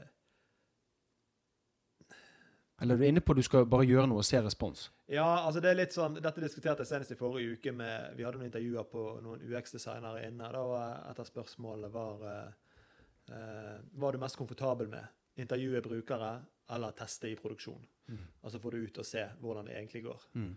Uh, og jeg er nok mest fan av det siste. Mm. Mm. Uh, og da får du ekte svar. Og jeg Mm. så e-posten du sendte ut her i, for noen dager siden til, uh, til vi-brukere for å intervjue dem. Mm. Og det kan være at det gir verdi, men det kan Mm. også være at det forvirrer deg. Ja. Eller det kan være at du biter deg merke i én kommentar fra en av dem som, som, som, som, som leder deg ut på eh, Kall det en en reise som ender opp i noen features som ingen andre trenger. Ja. Så, så det, der, det der med Mm. gode, gjør gode brukerintervjuer, det opplever det er veldig vanskelig. og Det er veldig få Mm. som klarer det godt. Um, og uh, jeg, min erfaring med det er at jeg blir veldig fort revet med, og så tror vi åh, der har vi det. Den ene kommentaren. Mm. Og så klarer ikke jeg å justere, selv om jeg vet at jeg bør justere. Ja. Og prate med flere som bare Nei, men dette er helt åpenbart. Dette Ja. må vi fikse. ja, vi mennesker er skapt sånn. Vi Ja, klarer ikke statistikk og tall. Vi skjønner ikke Nei, Vi har sett en ting som resonnerte med hjertet, og så bare Å, det har jeg tenkt før. Men Det er et fantastisk sitat. Sorry, jeg må ta det. få høre. Uh, jeg vet ikke om jeg klarer det helt på Most people use statistics like a drunkard uses the lamp post. Uh, most for support, less than illumination. Ja. Ja. Shit. Ja, det, ja, det er sant. du velger Ja, det dine tall, sant? Ja, det er mening. Uh, og det tror jeg også gjelder i brukerintervjuer. Uh, det sagt, så er jeg veldig fan av at uh, folk som jobber med produkt, er i førstelinje hva gjelder intervjuer. Veldig mange sender ut designerne sine eller UX-designerne sine for å gjøre den type intervjuer. Ja. Uh, men, men der er jeg veldig, veldig fan av at man får det rett fra kilden. Ja. Men jeg, jeg har, det er veldig sjelden jeg opplever folk som er gode på det. Så kommer jeg tilbake. Ja, ja, Nå har vi ja. intervjuet 20 stykker, av dette funnene våre, og dette er det vi ønsker å gå videre med. Veldig sjeldent. Ja, ja, men det, men det betyr ikke vi kan gi opp den kategorien. Altså, det må Nei, det, det betyr ikke at du skal gi den opp, men jeg tror i veldig mange tilfeller så er det raskere og mer verdifullt å faktisk bare bygge det, teste det, og se tallene. Med mindre det er merkevarerisiko. sant? Ja. Ja. Men en annen ting der. I en perfekt verden så har man noe, og så har man x ideer til hvordan det skal utvikle seg. Mm. Det er liksom essensen. sant? Og de ideene til hvordan Hvis ikke du har kontakt med den massen med de som bruker, så kan du gå glipp av masse ideer. Hvem er, hvem, hvem er til å si at liksom de interne skal avdekke alle mulige ideer? Hvordan skal du komme på det neste du skal bygge? da? Tenk hvis det er noe helt revolusjonerende nytt, så du må jo ha kontakt med den verdenen. Jeg tror de aller fleste som har lykkes med produktene sine, igjen tilbake til det vi snakket om det, løser ett problem veldig bra. Mm. Og det problemet er veldig verdifullt for noen, Mm. og verdifullt nok at de er villige til å betale for det. Mm. Og det, hvis, du, hvis du er i den kategorien, da, så er det det. Liksom, det er det rakettforskning. Jeg beklager, jeg bruker det begrepet, da, men det er det rakettforskning. Liksom, hva er det du skal jobbe videre på? Jo, da er det du skal gjøre det du allerede gjør, enda bedre. Og du skal gjøre det veldig lenge før du begynner å gjøre andre ting. Mm. Ikke sant? Så det er liksom ikke Jeg, jeg tror jeg tror nok at igjen tilbake til Strava da, Mm. eh, jeg tror nok de snakker med masse brukere for input. Og jeg tror nok i veldig stor grad de henter det fra andre internettfora også, hvor folk sitter og klager på manglende funksjonalitet og den type. Mm. Så de har andre kilder til det også. Mm. Men jeg, jeg tror ikke det er noe jeg tror jo det er noe veldig utydelig for produktsjefen i Strava hva er det de bør jobbe mer på, og Mm. hva er det de skal utforske. Mm. Og hva er det folk er villige til å betale for. Og de er også helt rå på eksperimenteringen. Mm. Sant? De legger til og trekker vekk ting fra, fra premium subscription og ser ok, kommenterer det folk over. Mm. Vi fjerner denne grafen fra, fra free. Mm. Hva skjer da? Jo, ok, 10% av free kommenterte. Ja, Ok. fantastisk. Ja. Istedenfor å prøve å forstå det. Og igjen, Jeg vet ikke om de jobber på den måten godt, men de bare intervjuer. Og de Mm. gjør alt basert på det. Ja. Men jeg tror nok at de har nok data til å i hermetegn kunne slippe Mm. å gjøre det. Ja. Men liksom Jeg bare igjen sikkert irrasjonalt tenker på personen som er på vei ut døren, og tar nøkkelen i døren, vri om, åpne appen, og så ser man at i, Hvis du studerer bruken, Mm. og at man går inn, og så var det en sånn knotete detalj som bare sånn Oi, er det sånn de bruker det? What the f Mm. sant? Hadde ikke peiling, og du ville aldri oppdaget det uten å ha sett eller hatt en connection med den Men verdenen. da er du på noe annet igjen. Da er du på observasjon. Sant? Det er jeg kjempefan av. Okay. Ja. Jeg trodde vi snakket om kvalitative intervjuer. Ja. Ja. Nei, jeg tenkte å være i dialog med den massen. Ja, ja, På, ok, La oss si observasjonskomponenten. Riktig, riktig. riktig. Dialogkomponenten og hva? Testkomponent Ja. Nei, det er observasjon. Det er kanskje kvalitative intervjuer er mer kritisk til, men det kan være min manglende evne til å gjennomføre det på en måte som gjør fungerer. Det kan det også være. Mm. Men observasjonskalde studier, Ja. kjempefan. Du er det, ja? Ok. Ja, ja, superfan. Og det brukte vi brukte før GDPR i eh, 2015-2016 brukte vi noe som heter Hotjar på Livin. Mm. Eh, og det var rett og slett bare en tjeneste som tok opp hvor eh, brukeren eh, hadde musen sin eller trackpaden. Ja. Så vi kunne se akkurat hvordan de beveget Ja, seg, fantastisk. hvilke knapper de overså, hvordan, hvilke bevegelsesmønstre osv. Ja. Ekstremt verdifullt. Så vi kunne bare tilpasse. Så Ja, tilpasse løpende. Jeg har jo sett det der. Sant? Det står en tittel der som ikke er klikkbar. Så ser du bare det er så mye gunning på det ordet de skal inn på. Ja, ja. Helt latterlig. ja. OK. Nei, fordi at um, Når man planlegger i store bildet, så så jeg for meg liksom at OK Det kan komme egne ideer til ting. Det må man ha med i trakten. Det kan komme kundeinspirerte ideer, enten via observasjon, dialog. Ehm, og så tenkte jeg en annen verden det kan Eller en tredje ting er jo deres eh, issues. Altså ha en, ha en link med supportavdelingen eller whatever for det du har i dag. Det er jo en komponent. ja, definitivt. Som også blir en slags kundeinteraksjon. sant? Ja, det blir data. Det blir data Det for blir data. Adrian i Elloways Ja. tilfelle. til ideer. Ja. Sant? Så jeg, og da prøver jeg å tenke hva er alle kildene som må til for at det perfekte Mm. ideen skal finnes? At du ikke mister noe. Mm. Så det er i hvert fall de. Ja, men du må ikke være så redd for å miste noe heller, for da Nei. blir du paralysert. Det er sant. Eller, jeg skal ikke bruke ordet må. Beklager. Man bør ikke. Ja, ja. ja. Ja.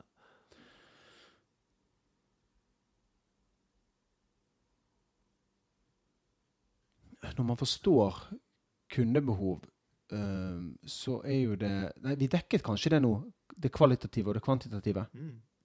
var vi innom begge nå, på en måte? Ja, Vi begynte vel å snakke om det kvalitative, og så hoppet vi over på deler av det kvantitative. Fordi at Går det ikke inn under å forstå kunden når du følger med på dataene om Ja. at 500 stykker trykket der? Ja. Det er viktig. Definitivt. Sånn som i Vise-tilfellene. Hvor Ja. mange er det som beveger seg forbi 2,5% på fullført et eller annet? Ja. Superverdifullt. De som beveger seg over 50, ja, ok, er de mer verdifulle å snakke med enn de som er under? Ja. Altså den type data. Da jeg satt og så på Vi-appen i går, så Mm. begynte jeg å se for meg eh, dashbordet. Mm. eh, Analytics-dashbordet som Mm. dere enten har eller bør ha. Mm. Liksom? Som kan gi dere enormt mye, mye informasjon. ja, ja Men er det Er vi nå på å måle effekt av produktet, eller er vi på å forstå kunden? Er ikke det mye det samme? da? Oi. Jo, kanskje. Kanskje det er det samme. Jeg tror ikke det er noe verdifullt å prøve å skille de fra hverandre. i alle fall. Nei. For å prøve å fremstå smartere enn det vi er. Um, er det et poeng å prøve å være en bruker selv, så godt du kan? Ja, definitivt. Ja. Definitivt. Men det er en fordel, tror jeg, hvis, hvis eh, den som leder et produkt, faktisk bruker produktet selv. Ja. Og sikkert litt skummelt menneskelig, fordi at du Ja da, vektlegger ja, det. Men jeg, de aller fleste jobbene jeg har vært i, så har jeg ikke brukt produktet jeg har ledet. I, i stor grad. ikke sant? Annet enn på jobb. Altså, Med Livin så, så brukte jeg det jo for å se etter boliger, så det var jo superrelevant for min del. Mm. kom jo inn boliger inn i vår database to-tre dager før de kom ut. sant? Så da satt jeg på innsiden og kunne se. Ja, ja, ja, det, var, det var egentlig ganske spennende. Det var et par boliger jeg ringte på da. Det kan jeg komme og se. Ja. Sikkert litt uh, ikke helt etisk, men, ja, sånn, sånn, men sånn var det i alle fall.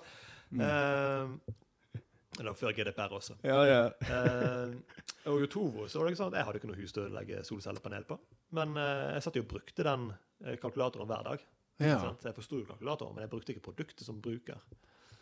Nei, men og selvfølgelig sant, i gründersammenheng eh, hvor eh, det er færre ressurser, hvor det er en perfekt Hvis du er perfekt kunde, drømmekunde òg, så er jo det sikkert enda viktigere eller oftere at man selvfølgelig er en bruker òg, da. Sånn som det- var med deg med Livin. Ja, men jeg tror nok at eh, Spotify eksempel, har ganske mange eh, veldig interesserte produktsjefer.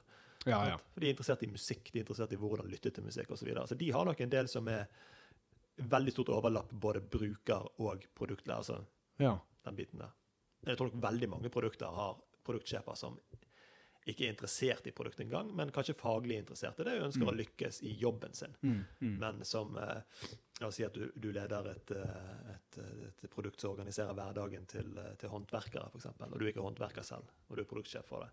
Du brenner nok antageligvis veldig mye for et godt verktøy for Mm. håndverkere, men du brenner antageligvis for å eh, lykkes med det for selskapet sin del. Du brenner med det for din egen karriere sin del osv. Mm, mm. Men det høres jo lettere ut hvis du har brenningen for Definitivt, men problemet der er jo gjerne at det er en del bransjer der det er vanskelig å finne Ja, ja, som Ja, er kvalifiserte, og som også har bransjeerfaring. ja, ja visst. Og hva er viktigst Selv da? om de, det er viktig å si det, de aller beste produktsjefene er jo gründere av selskapet.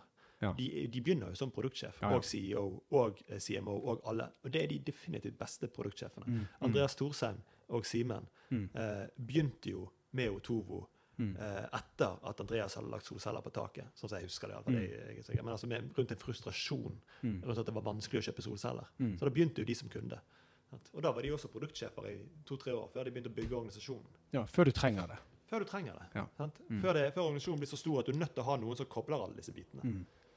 Men nå kommer jeg til å tenke på eh, eksperimentering, viktigheten av det. Men det har jo man egentlig tatt med nå i det vi har snakket om, fordi du sier man gjør dette, og man gjør det mer ganger. Fordi man Sa vi det? Måler effekten av hvordan det gikk? Mm. Er det igjen i dialogen med partene at man ser effekten av hvordan det man bygget, gikk? Nei, det kan jo være flere ting. Altså, Ja. Det kan jo være at part, altså, stakeholderne dine, brukerne dine, sitter på informasjon som viser at dette går bedre eller dårlig. Altså, Ja. Salg øker konverteringen sin. Mm. Uh, men det er jo veldig stor grad i, i de jobbene jeg har vært i, i alle fall, så er det veldig stor grad at du måler det i en eller annen form for Power BI eller Ja. et eller annet analytics-verktøy. Så du ser at ok, konverteringen går opp, konverteringen går ned.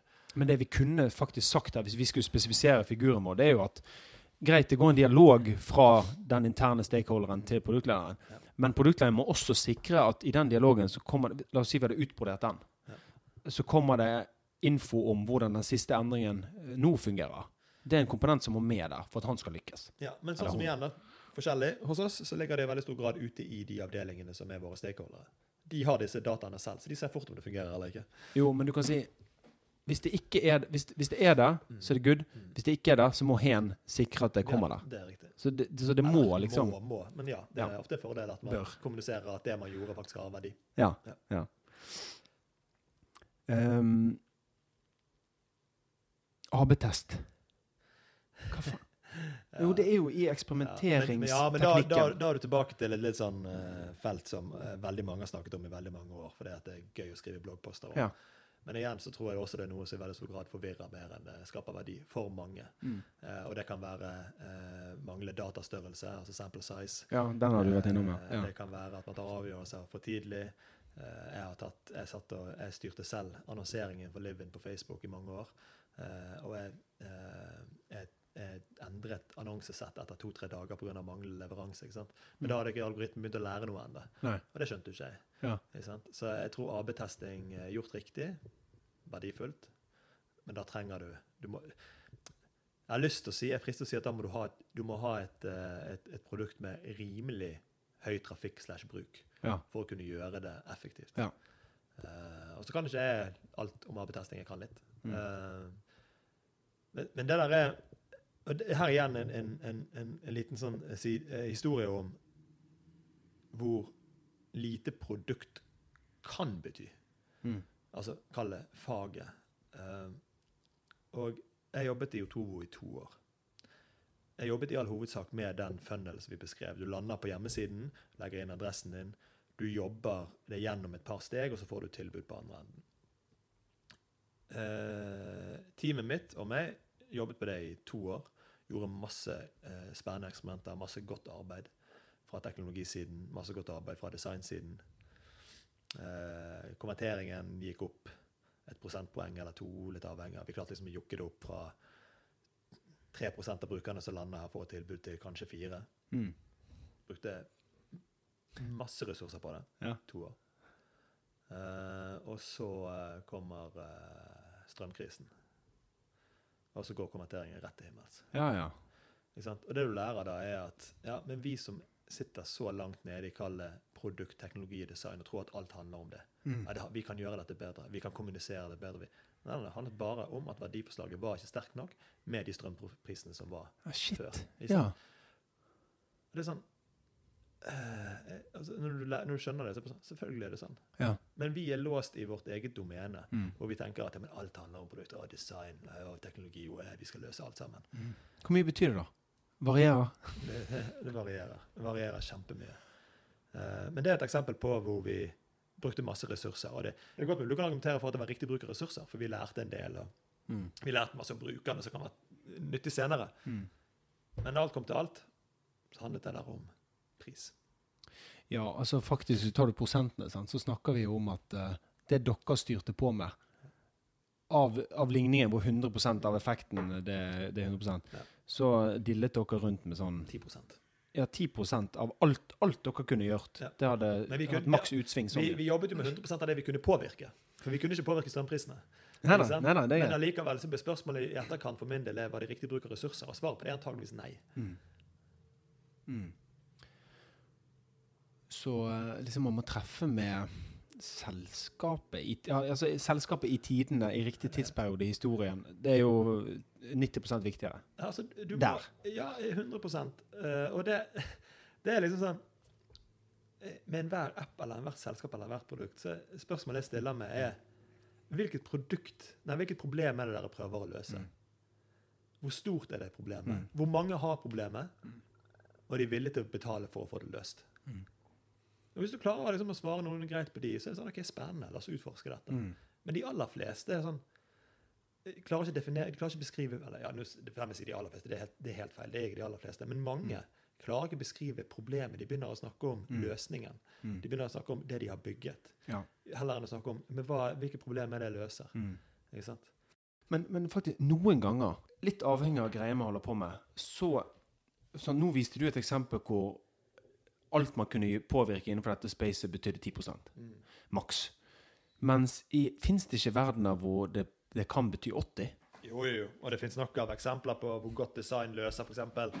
Uh, offentlig helsevesen Mm. gjør eh, eh, skjemaer enklere å bruke, Mm. eller internt på sykehuset så løser man med god UX-prosesser og gjør det i ti ganger raskere. Ja. Eh, men jeg må dele en ting som skjedde med meg i, i, i dag. Mm. Eh, produktmessig. Northern Playground. mm, du om de? Nei. Jeg har hørt om dem, men jeg vet ikke hva de gjør. Ja, de har lagd denne The Last Jacket. Den siste jakken du trenger. Oh, ja, okay. Ja. Forever Repair. Sant? Okay, ja. Kjøpte en skjorte derfra. Fikk den i går. Inni så står det sånne små lapper. Sånn åh, den siste du trenger. Ta meg med tilbake for reparasjon. Jeg, blir så, jeg blir så glad. Jeg syns fargen var stygg. Ja. Jeg syns eh, feelingen på liksom, stoffet var, var dårlig. Ja. Så jeg, jeg klarer egentlig ikke beholde den, men jeg jobber med å finne en grunn. Mm. Fordi, altså, er det kopp igjen? Er det, er det greien? Det har liksom Og i går så fant jeg ut at jeg var inne på nettsiden og lette etter noe annet jeg kunne kjøpe. Mm. Bare fordi jeg vil, jeg vil ta del i det, Mm. men jeg liker jo ikke produktet. Nei. Veldig interessant. Så der har de faktisk klart å skrive ting og skape noe greier som jeg skal ha noe derfor. Det, neste, det eneste jeg har funnet, det er capsen. Ja. Jeg må i hvert fall ha den. Og beanien. Ja. Og så, så venter jeg på at de skal finne noe annet jeg kan kjøpe. ja. Sykt. Men det er et kjempegodt eksempel på det motsatte av det jeg prøver å beskrive. Hvor copy og design betyr alt. Ja. Ikke sant? Eller, det vil si, det, det, som, det som betyr alt der, er jo verdiforslaget deres. Ikke Ja. nødvendigvis copyen. ja. Men det at de sier at dette er det siste du trenger, eh, og det er det de prøver å selge. Så kan du si, Er det copy eller er det verdiforslag? Jeg mener at det er verdiforslag. Det er faktisk sant. Eh, men eh, ja da, det det er et godt eksempel på, på det. Men trengte du ny jakke? Nei, nei, nei. Og, og jakken har jeg ikke kjøpt. Vet du hva den koster? Nei. Nei, altså, nei, den koster, nei, den koster bare 5007, eller? Det er utrolig at vi kom til et punkt der det er bare 5007. Jo, men jeg bare tenkte liksom eh, sant, I Bergen, Norwegian Rain, disse her eh, Det er jo langt, det er dobbelt, sant? Eh, Men, men det at de Så sier når du kjøper bil, så argumenterer med at denne Taycan koster Ja. to millioner. Det er jo Ja, halvparten av en Ja. Lamborghini. Ja, det er jo sånn vi funker. Men jeg bare tenker. Ja, altså, mennesket begynner å finne grunner til ting. sånn. Men jeg bare tenker at når de sier Altså, har du hørt det navnet? Altså, har du hørt det sånn? The Last Jacket? Hvor fint er ikke det navnet? Ja, det er veldig eh, Det er jo eh, beundringsverdig. Ja. At de går ned den veien, hvis de klarer det. Ja, enig. Men bare det føles jo så godt i, i sjelen. Og så The Shirt, fordi at det er den du, det er den du trenger. Mm. Oh. Så jeg, jeg har faktisk eh, Jeg har printet returlapp. Sender tilbake. Jeg tar medium-skjorten i en annen farge. Jeg liker ikke helt uh, hvordan det ser ut, men jeg skal ha den merkelappen på meg. Jeg er Northern Boy. Ok. okay Det var en, Ja. bi-kommentar. Ja, ja, Ja. men det er, en, eh, det er et godt eksempel. Mm. Um, du har faktisk sagt Du har sagt noe om at Adrian må prioritere. Mm. Det har du egentlig tatt med. Mm. Det er veldig viktig. Mm. Ehm, og vi, vi tegnet det jo faktisk inn. Sant? Vi sa at det er fire linjer inn til Adrian, og så skjer det noe der òg. Ja. Og det er, jo, det er jo prioritering. Prioriteringen skjer der. Ja, hos han. Ehm, en annen ting Ehm, Work må shapes. Ja, fortell hva du Må det? Nei, altså La oss si du har en app, Ja. og så bare så sier Det kommer opp en idé at det neste som trengs nå, det er tester. Vi har ikke tester i, i greien. Ja. Eh, det er ikke nok å dytte det ned til de som skal lage tester. Du må forme arbeidet til riktig nivå før det gis til neste person. Mener du altså testing av systemet? Altså en quiz. Ja, okay. Vi- vi må ha quiz. Ja, vi må ha quiz i appen. Vi må ha quiz i appen. Ja, ja. sant? Hvem sier det?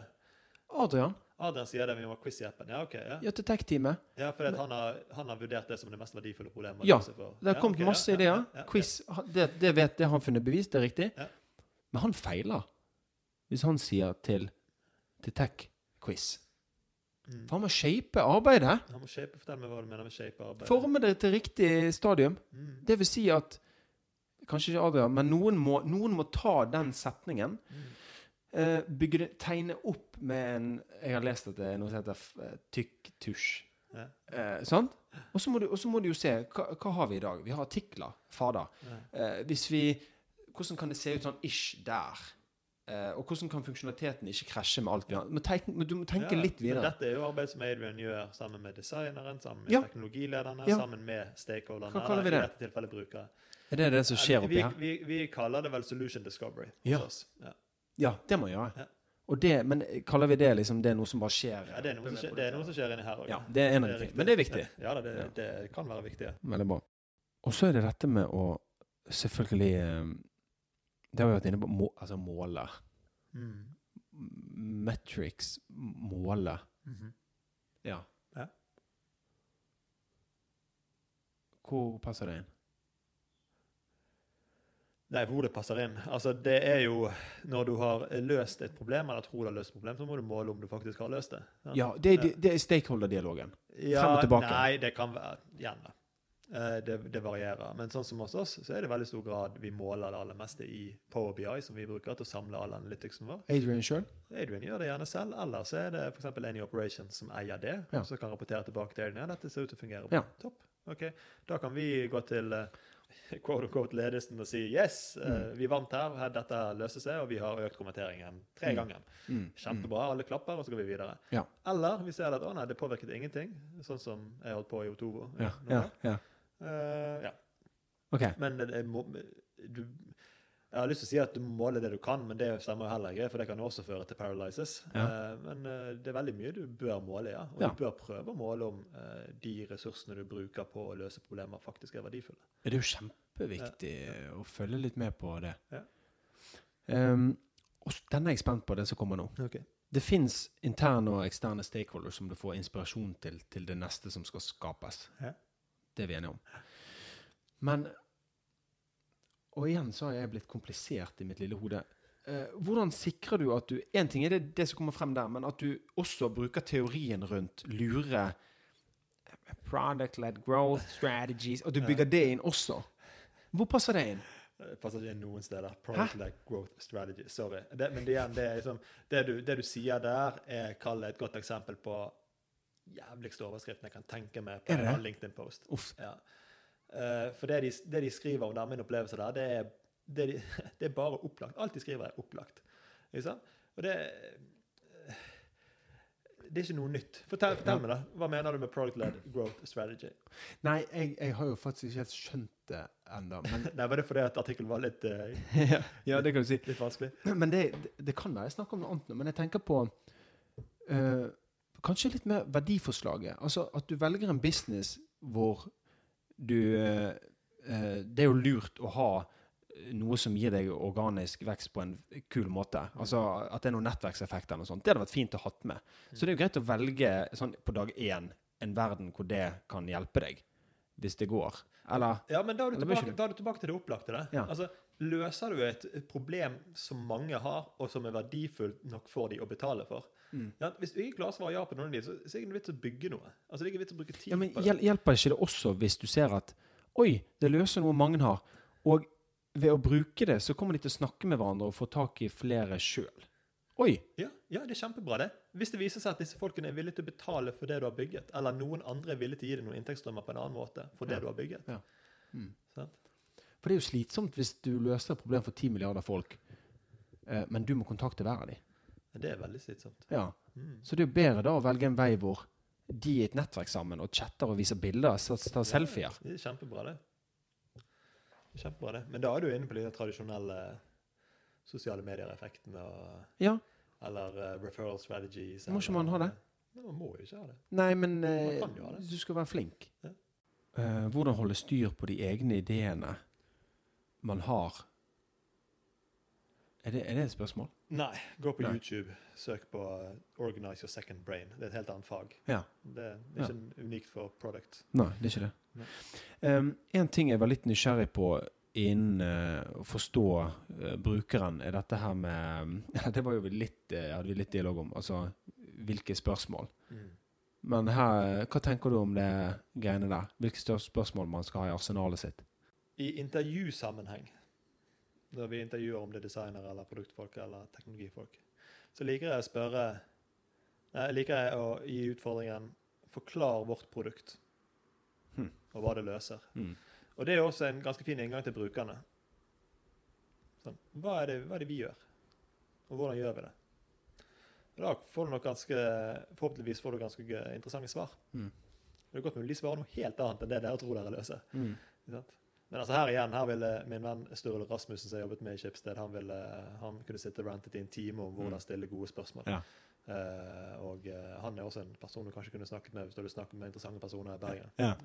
Jeg tror vi har vært innom alle hovedkategorier. Sant? Altså, planlegg, bygg, markedsføring slettet vi kanskje, eller tok inn under Ja, eh, noe. Conversion funnel tok vi som del av produktet, Ja. egentlig. sant? Ja. Eh, og innenfor uh, planlegg så er det litt å sette retning og mål. Det har du også vært innom, egentlig. Selvfølgelig. Um, forstå kundebehovet er et svært punkt hvor vi liker noen ting og alle Ja. problemer med andre ting, og Ja. du må dykke dypt i uh, intervjuspørsmål og sånne ting. Å prioritere ting er vi jo enige om at skal skje, ja, i hodet til Adrian. Ja. Shape ble du enig i at skulle skje, med de ordene, da. Ja. Målet var vi enige om at skjedde eh, litt via Altså, du må sikre at det skjer. Ja. Noen kan ha ansvaret for det. Du, de, Ja. whatever. Ja. Product-led growth-taktikker har du ikke. Nei, men Det var jo fordi du ikke klarte å forklare hva det var for noe. Ja, ja. Men hvis du Hadde du valgt å ha det med etter din forklaring? Nei, Jeg klarer ikke å forklare det selv. Nei. Jeg har lest eh, sikkert ti artikler om det, men jeg skjønner ikke helt hva de mener. Hva de mener Nei. forskjellige ting. Ja, med med de det. som mener er sånne bloggere som meg. Ja. Men nettverkseffekt, det der andre jeg snakket Ja, om, men det hva er det for noe? igjen. Det er noe Ja. annet igjen. Det er en annen kategori. Det er, det er et verktøy, og det er selvfølgelig kjempebra. Det hvis du klarer å skape en eller annen form for uh, annen form for uh, vekst som er drevet av brukerne. Ja. Kjempebra, det. Men finnes ikke det liksom ti sånne ting som du som produktleder bør kjenne til og, bruke, og ha i bakhodet når du jobber med det greiene her? Det blir litt avhengig av hvilket selskap du er, hvilket Ja. produkt du leder. Og, Ja, ja, ja. Men hvis du skal være en produktleder som skal gå inn overalt, da, så bør du kunne de ti, eller? Det er det kan være at du bør kunne noe. Ja. Runde av med litt div. Ja, kjør på. Du var gründer. Du er ikke gründer nå. Eh, hvorfor ikke? Det er altså sånn at da jeg var ferdig med Livin, så dukket Otovo opp, og det var for spennende. Mm. Og det var med Andreas, og det var med Simen, så det er umulig å si nei til. Mm. Eh, og der var jo man på var man, jo var man, jo, var, man var jo på eiersiden, så man hadde jo en stake. Mm. Så det demrer jo litt opp for å ikke være gründer. Um, I uh, Skavl der startet vi det sammen, så det gründet vi jo sammen. Ja? Ja. Mm. Uh, og i uh, Alloway så er jo Ja, det kan jeg ikke si så mye om, men ja. Mm. Mm. Det er en litt annen situasjon. Men Ja. eh, Mm. det, å, det å gründe et selskap Nå har jeg vært heldig at uh, med Livin så var jeg følte meg veldig sjelden alene. Jeg hadde veldig gode folk rundt meg. Jeg hadde medgründer som, som ikke var aktiv i selskapet, men som var en sparingspartner på sidelinjen. Jeg hadde en styreleder som var fantastisk flink. Mm. Uh, sånn at uh, det opplevdes egentlig ikke som å gründe et selskap, det opplevdes mer, mer som å Det pleier å si være ansatt i et selskap, men ja. Så, men jeg gjør det gjerne igjen. Eh, det gjør jeg. Ja, så det er jo er kanskje egentlig et, et kunstig skille. Altså, du, Ja, du, vil gjøre, du vil gjøre ting. Ja, jeg vil gjøre ting, jeg vil gjøre ting som jeg, som jeg synes er spennende, og som, som gjør noe kall det bra for mer enn bare oss som jobber der. Ja. Selvfølgelig, individuell suksess er jo også spennende og gøy, og det er Mm. drivkraft, men det er jo også gøy å gjøre ting som faktisk betyr noe. Ja, Northern Playground. For eksempel. Ehm, hvorfor deler du så mye? Hvis du hadde spurt meg for et halvt år siden, så hadde jeg svart at jeg deler ingenting. Men jeg har begynt å dele i det siste. Oh, ja. Og det er eh, utelukkende eh, Andreas De Lange og eh, Roger Holte Olsen som er eh, si, årsakene til at jeg har begynt med. Fordi de har rett og slett bare tvunget meg. Sagt at du må dele. Du må publisere disse tingene. Hvorfor det? Eh, nei, fordi de mener at det er nyttig og én eh, tydeliggjøre at det finnes sånne stemmer som min i Bergen, at disse miljøene finnes i Bergen. Ja, de sånn. mener at vi har et ansvar for å bygge Bergen som næringslivsby. Mm. Og en del av det er å være synlig og dele Mm. tanker og den type ting rundt det. Mm. Um, og det som jeg sa i sted, når jeg deler på LinkedIn nå, hvis jeg har skrevet noe deler på LinkedIn, så er det litt sånn oppkast-emoji eh, på slutten der. Jeg syns ikke det er noe særlig kjekt. Samtidig ja. jeg liker jo å få anerkjennelsen. Jeg synes det er kjempegøy når jeg får meldinger direkte etterpå. Sånn OK, dette var spennende, kan du komme og dele dette? Eller dette var sånn og sånn, kan du dele det verktøyet? Og så videre. Mm. Så en del av meg syns det er kjempekjekt, en annen del av meg hater det. Og så er jeg veldig redd for å fremstå som en som forteller andre hvordan de skal løse ting. Ja, ja, Ja. Men jeg tenker liksom at Jeg syns jo det Sånn som det du har eh, skrevet, syns jeg er veldig nyttig. Mm. Og sånn, litt sånn som jeg sa, unik evne til å gjøre ting enklere. Um, og kanskje de som spyr litt av å dele, de som bør. Så, altså, sant? Eh, Det, kanskje det, ikke, det kunne vært en saying. Det, kanskje. kanskje. Um, hvorfor lagde du et ehm, Hvorfor lagde du et AS i fjor? Eller på forfjor? Skavl. Ah, det var den, ja. For jeg finner spor av det her. Ja da, ja da. Og så prøver jeg Hva, hva skjer? For nå tenkte jeg Min eh, konspirasjonsteori Mm. det var at eh, du har lagd nå en kunnskapsbase og skal pivotere til at det er Westerli. Sant? Ja. Men det var feil. Eh, det er feil. Eller er det noen sånn plan?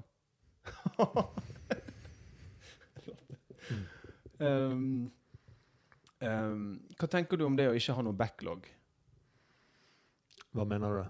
Nei, ShapeUp skrev det. Sånn der Hvert pitching, eller hvert møte for å planlegge neste er egentlig fri, da. Ja, det jeg kan si er at Ved flere anledninger når jeg kom inn som jobb som produktleder eller produktdirektør, så det første jeg har gjort å slette hele backloggen. Ja. Ja. Så du liker det? Det syns jeg er befriende, fordi at eh, min erfaring er at veldig mye bare blir liggende der. Og Det det, er det er en befriende. kall det jeg vet om, Det er kanskje feil begrep, men en kognitiv belastning for Ja. teamene. Ja. Så få det ut, du vet hva som er viktigst, bygg den opp igjen. Ja, og så sier de hvis det er så jævla viktig, så kommer det. Ja. Igjen. The Det good shit stinks. Ja. Mm. Og det er litt sånn som den listen min om at jeg må male muren og kjøpe en list. Jeg har det hjemme. Mm. Den listen den gjør så vondt etter hvert. Mm. Og, og så fikk jeg vekk to punkter nå forleden helg. Ja. Jeg føler meg så fri, men nå har det kommet inn mer, så jeg må egentlig slette den. Uh, For ikke bevege oss inn i sånn uh, Life selvhjelps coach. Ja. uh, ja. coach-greie her, nå må jeg tillate meg en ting. Ja. Flytte over i kalenderen. Ja, Gi et timeslots. Og så kan du heller bare flytte det.